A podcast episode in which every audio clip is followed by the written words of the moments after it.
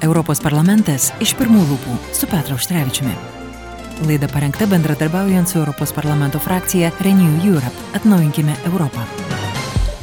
Sveiki, bičiuliai, studijoje prie mikrofono Liudas Ramanauskas. Šiandien mūsų rubrikoje kalbėsime su europarlamentaru Petru Auštrevičiumi. Labadiena, gerbiamas europarlamentarė. Labadiena, Dzukai. Ir žinoma, kalbėsime apie Afganistaną. Štai Junktinių tautų saugumo taryba vakar prieėmė rezoliuciją, kurie iš Talibano reikalaujama gerbti judėjimo įsipareigojimą, leisti žmonėms laisvai išvykti iš Afganistano. Tačiau čia nekalbama apie tą saugią zoną, apie kurią dar, man rodos, praėjusį savaitgalį kalbėjo ir Prancūzijos prezidentas Emmanuelis Macronas. Jūs irgi irgi turite savo nuomonę ir neabejoju, kad turite daug informacijos. Rūpjūtis baigėsi. Amerikiečių kariai vakar vakarą paliko Kabulą. Kas laukia dabar pasaulio ir Europos? Reikia pasakyti, kad e, šiąnakt baigėsi ilgiausias e, bet kada vykęs e, karas, kuriame dalyvavo Junktinės Amerikos valstijos 20 metų.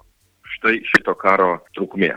Daug žmonių žuvę, daug pasiekta per tą karą, kadangi nevyko vien tik tai karas, bet Afganistanas buvo atstatomas, kuriama nauja visuomenė, stiprėjo pilietinė visuomenė ir panašiai. Ir reikia pasakyti, kad per tuos 20 metų Afganistanas stipriai pasikeitė. Atsirado pagaliau karta, kurie nori matyti e, valstybę visai kitokią. Tačiau įvyko, kas įvyko. Karinis pralaimėjimas, karinė krizė, kurią iššaukė, na sakyčiau, toks labai veržlus, e, praktiškai nekontroliuojamas Talibano pajėgų, pajėgų judėjimas, Afganistano kariuomenės ir saugumo pajėgų praktiškai subirėjimas, kaip įvyko kaip, e, žinot, smėlio pilis, jinai staiga paėmė ir išnyko, tiesiog susilygino su žemė. Sukūrė visiškai naują situaciją. Ir dabar štai išvykus amerikiečių kariškiams, e, Talibanas pilnai kontroliuoja Kabulą, ne visą valstybę, nes e, kai kurios gentis yra pasipriešinusios.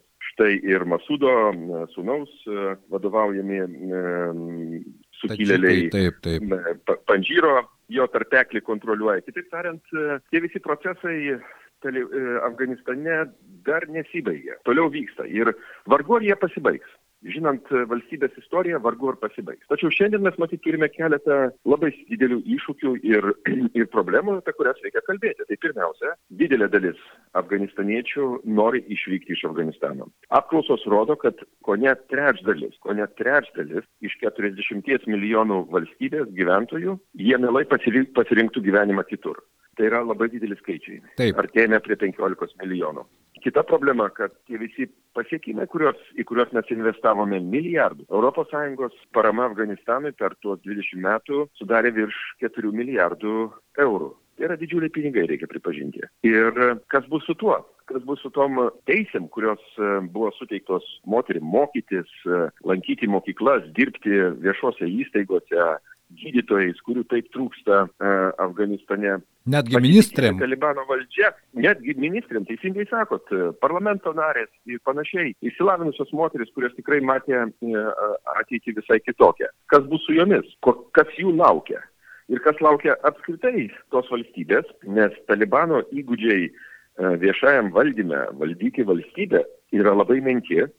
Tie įsilavinę žmonės vargu ar pasitikė Talibanu, tai kitaip tariant e, matyt ir pačiam talibanui problemos tik tai prasideda ir valdyti valstybę e, suteikti viešasias paslaugas nėra taip paprasta. Kitaip tariant, e, kariuomenės išvedimas yra viena. Tarp kitko turiu pasakyti, kad ES valstybių patirti nuostoliai žuvę kareiviai virš 430 yra labai aukšta kaina per tos 20 metų. Ir kas laukia šitos valstybės, pasakyti šiandien būtų per drąsu. Aš norėčiau šiek tiek patikslinti, nežinau, štai jūs minėjote apie trečdalis iš 40 milijonų norėtų pasirinkti gyvenimui kitą vietą. Iš kitos pusės, demografiniai rodikliai rodo, jog beveik 50, jeigu nedaugiau procentų afganų yra jauni žmonės pasirūpinti savimi, jie dabar negali. Tarptautinė pagalba dabar yra sustabdyta. Tai humanitarinė katastrofa, taip galima būtų pavadinti. Iš kitos pusės tie žmonės, kurie nenori ten likti ir kurie bijo Talibano, jie vis tiek ieškos įvairių būdų patekti. Nežinau, galbūt jūs žinote, kiek pavyzdžiui praėjusiais metais migrantų, kurie ieškojo prieglopščio Europoje, sudarė iš Afganistano kilę žmonės. Na, Liūdai, reikia pasakyti labai aiškiai, kad uh, iš tiesų blogiausia padėtis valstybėje būna tada, kada tos valstybės jaunimas nemato valstybės ateities, perspektyvos, nepasitikė valstybę, o tai reiškia, kad jie nori palikti valstybę. Kitaip tariant, jie nesieja savo gyvenimą su valstybės ateitimi. Tai mes matome labai akivaizdžiai Afganistane ir dėl įvairių priežasčių. Dėl to, kad nėra saugu, dėl to, kad dabar Talibanas atėjęs į valdžią nėra patikimas partneris, niekas nežino, kas įvyks su švietimo sistema, jie nori į šariato valstybę kurti pagrindu, o tai reiškia labai griežtos islamo gyvenimo taisyklės ir E, ir procedūros ir panašiai, jaunimas nori kiek kitokio gyvenimo. Tai štai tas visas jaunimas dabar pasiruošęs kelti sparnus. Pastaraisiais metais, du pastarosius metus, apie 30 procentų visų migrantų, kurie pakliūdavo į ES, buvo iš Afganistano. Kita dalis tai yra sirai, kurdai, e, e, Šiaurės Afrika ir, ir panašiai. Tai reiškia, kad e, potencialas, potencialas, ir, potencialas yra labai didelis, Taip. labai didelis emigracijai iš Afganistano. Jaunimas yra tikrai labai dinamiškas, jis, jauni žmonės gali veikti didelius atstumus, jie, kaip sakyt, greiti, ir kai kas moka ir kalbas ir panašiai, bet Kitas dalykas, ką reikia žinoti. Apie 75 procentai Afganistano pabėgėlių vis dėlto nusėda artimiausiai kaiminystiai. Tai iš esmės yra Iranas ir Pakistanas. Ar tas vyks dabar? Nes Iranas labai ruošiasi šitam dalykui, jis kūrė pabėgėlių stovyklas, e, jis žino, kas, e, kas laukia. Ar jie eis toliau? E, galbūt net per Vidurinę Aziją, per Turkiją, kas gali pasakyti.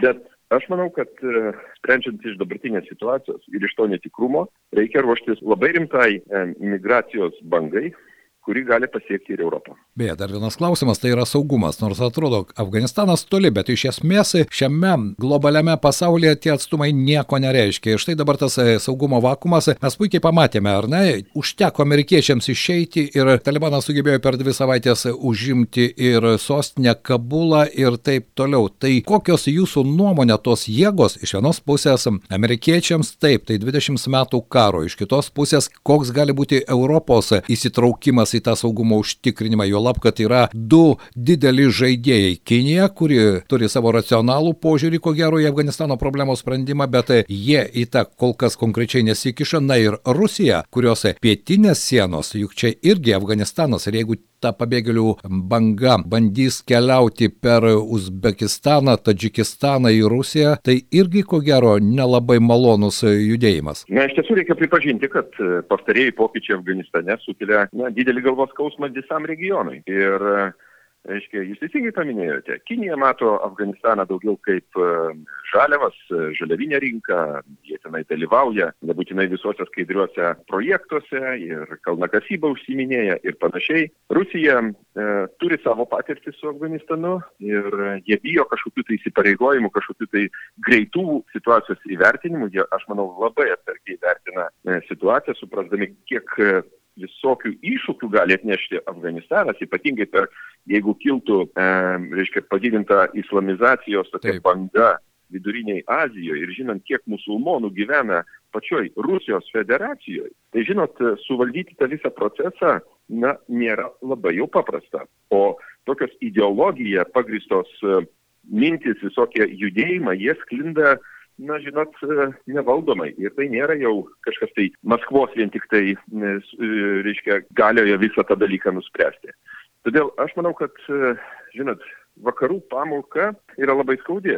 Aš nebejoju, kad nebus noro grįžti kažkaip tai su kariniu būdu arba kariniam priemonėm vėl dalyvauti Afganistano šituose procesuose. Labai gali būti sunku politikams apsispręsti šitoje srityje. Aš tiesiog neįsivaizduoju e, tas visas viešasias diskusijas vakarų valstybėse, jeigu vėl kiltų štai pasiūlymai grįžti ir kažką ten daryti kariniu būdu. Aš kol kas manau, kad artimiausioje perspektyvoje mes tikrai apie tai nekalbėsime. Kas gali vykti, tai gali vykti tam tikri, aš sakyčiau, finansiais pagristi e, procesai. Nes Afganistanas e, atsidūrė ties humanitarinę krizę, kaip jūs teisingai paminėjote, paskaičiuota, kad atsižvelgiant į pastaruoju metu e, užsitęsusią sausrą pačiame Afganistane, kur yra neregėto e, masto ir jos poveikis e, žemės ūkiai, kuris, pabrėšiu, yra pagrindinė ekonomikos, kaip sakyti, sritis.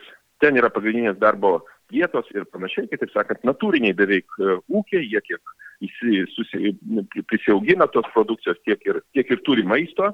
Tai va, 70 procentų manoma, kad gyventojų gali priveikti pagalbos. O tai iš 40 milijonų 70 procentų štai jums ir 30 milijonų Žmonių. uh, burnų, kurias, Taip. kurias reikės šiek vienai par kitaip pamaitinti. Tai mes, matyt, e, pirmiausia turime žvelgti iš tos humanitarinės krizės suvaldymą, nes e, pateisinti, nu, reiškia, tiek badaujančių, staiga atsirandusių būtų labai sunku. Be jokios abejonės. Ir čia ko gero, e, kaip jums atrodo, ES tikrai negali likti nuo šaly. Aš taip įsivaizduoju, kad vis tiek e, tas diskusijų objektas pastarosiomis dienomis ir dar į ateičiai metams jis niekur nedings iš dienotvarkės. Be jokios abejonės. Be jokios abejonės. Matot, ES dabar sustabdė visus paramos projektus. Jie buvo gausiai finansuojami, 200 milijonų e, per metus ir panašiai. Bet visi tie projektai yra sustabdyti, nes atvirai tariant, finansuoti Talibano valdžią būtų, nu, matyt, sunkiai paaiškinamas dalykas. Bet dabar, ką daro ES, tai ieško galimybių, kaip, e, nu, sakykime taip, sukurti tos humanitarnės pagalbos uh, programas, iš esmės maisto tiekimas, medikamentų tiekimas, uh, uh, rūpinimasis uh, vaikais, tais pabėgėl, pabėgėliais viduje valstybės ir panašiai. O tai yra didžiulis iššūkis, kuomet, žinot, Talibanas vis tiek norės išlaikyti savo valdžią.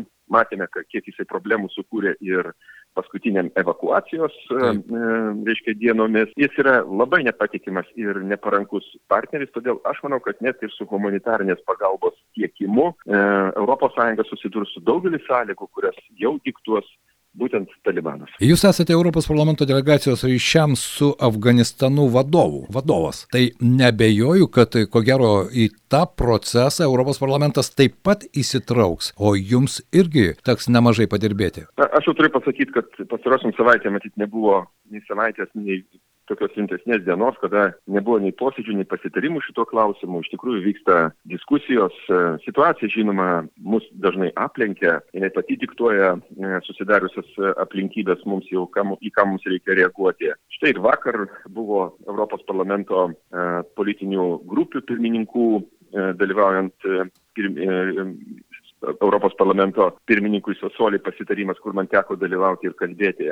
Kol kas mes išsakinėjame nuomonės, bet aišku, evakuacija, saugi evakuacija, ta- tame tarpe mūsų, su mumis dirbusių e, Afganų, tai yra prioritetas. Paskui humanitarinė parama, na ir žinoma, požiūris į saugumą. Taip. Nes tai paveiks, e, nereikia e, apgaudinėti savęs ne vien tik tai regiono, bet ir Europos saugumą, todėl mes turime reaguoti ir ieškomi sprendimai. Todėl Europos parlamentas yra labai stipriai įsitraukęs. Štai ir šį trečiadienį, tai reiškia rytoj, nes užsienio reikalų komitete vėl šitą klausimą nagrinėsime. Na, reikia pripažinti, kad e, Afganistanas niekad nebuvo lengvas, sakykime taip, riešutėlis e, visam likusiam pasauliu. Bet atrodo dabar mes jau turime tikrai jau daug didesnį riešutą ir daug kietesnį, kurį, nežinau, nereikia bandyti, bandyti sutraiškyti, bet bent jau reikia perprasti ir teisingai apsispręsti, ką toliau daryti. Be jokios abejonės, nes tokia stulbinamai greita Talibano pergalė, be jokios abejonės, jį įžieps begalę minčių ir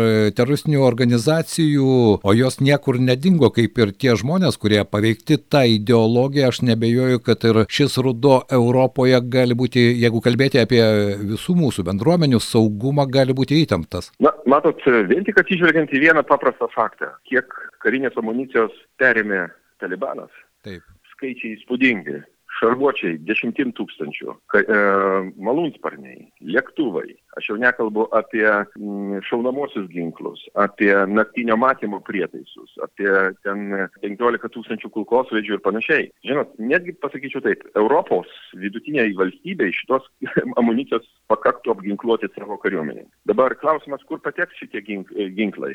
Ar jie Ar jie išliks Afganistane, ar jie keliaus galbūt į kitus konflikto karštus taškus, tarkime, Siriją, Šiaurės Afriką, ar dar kur nors. To taip gali atsitikti, nes e, Talibanas e, yra susijęs daugeliu saitų su tom, um, reiškia, e, teroristiniam organizacijom. Jie, jie vieni kitus finansuoja, padeda, todėl vien tik tai šitas faktas mus kaip sakyt, skatina tikrai stebėti situaciją ir priimti tuos sprendimus, kurie, na, aš sakyčiau taip, privalo e, užtikrinti saugumą mūsų žmonėms. Tikėkime, kad iš tikrųjų tos pastangos duos vienokius ar kitokius rezultatus, nepamirštant ir pačių afganistaniečių, be jokios abejonės, nes ta humanitarinė krizė, ypatingai jūs jau paminėjote ir sausros rezultatus, ir kalbant apie demografinę situaciją, na, man atvirai sakant, iš tikrųjų kelia nerimą. Šiandien noriu padėkoti Jums už Jūsų nuomonę, nes nebejoju, kad prie tos temos mes dar ir pokalbėse su Jumis nekartą sugrįšime. Mūsų pašnekovas buvo Europos parlamento delegacijos ryšiams su Afganistanu vadovas, europarlamentaras Petras Auštrevičius. Ačiū Jums. Ačiū Jums, geros dienos visiems. Europos parlamentas iš pirmų lūpų su Petru Auštrevičiumi. Laida parengta bendradarbiaujant su Europos parlamento frakcija Renew Europe. Atnaujinkime Europą.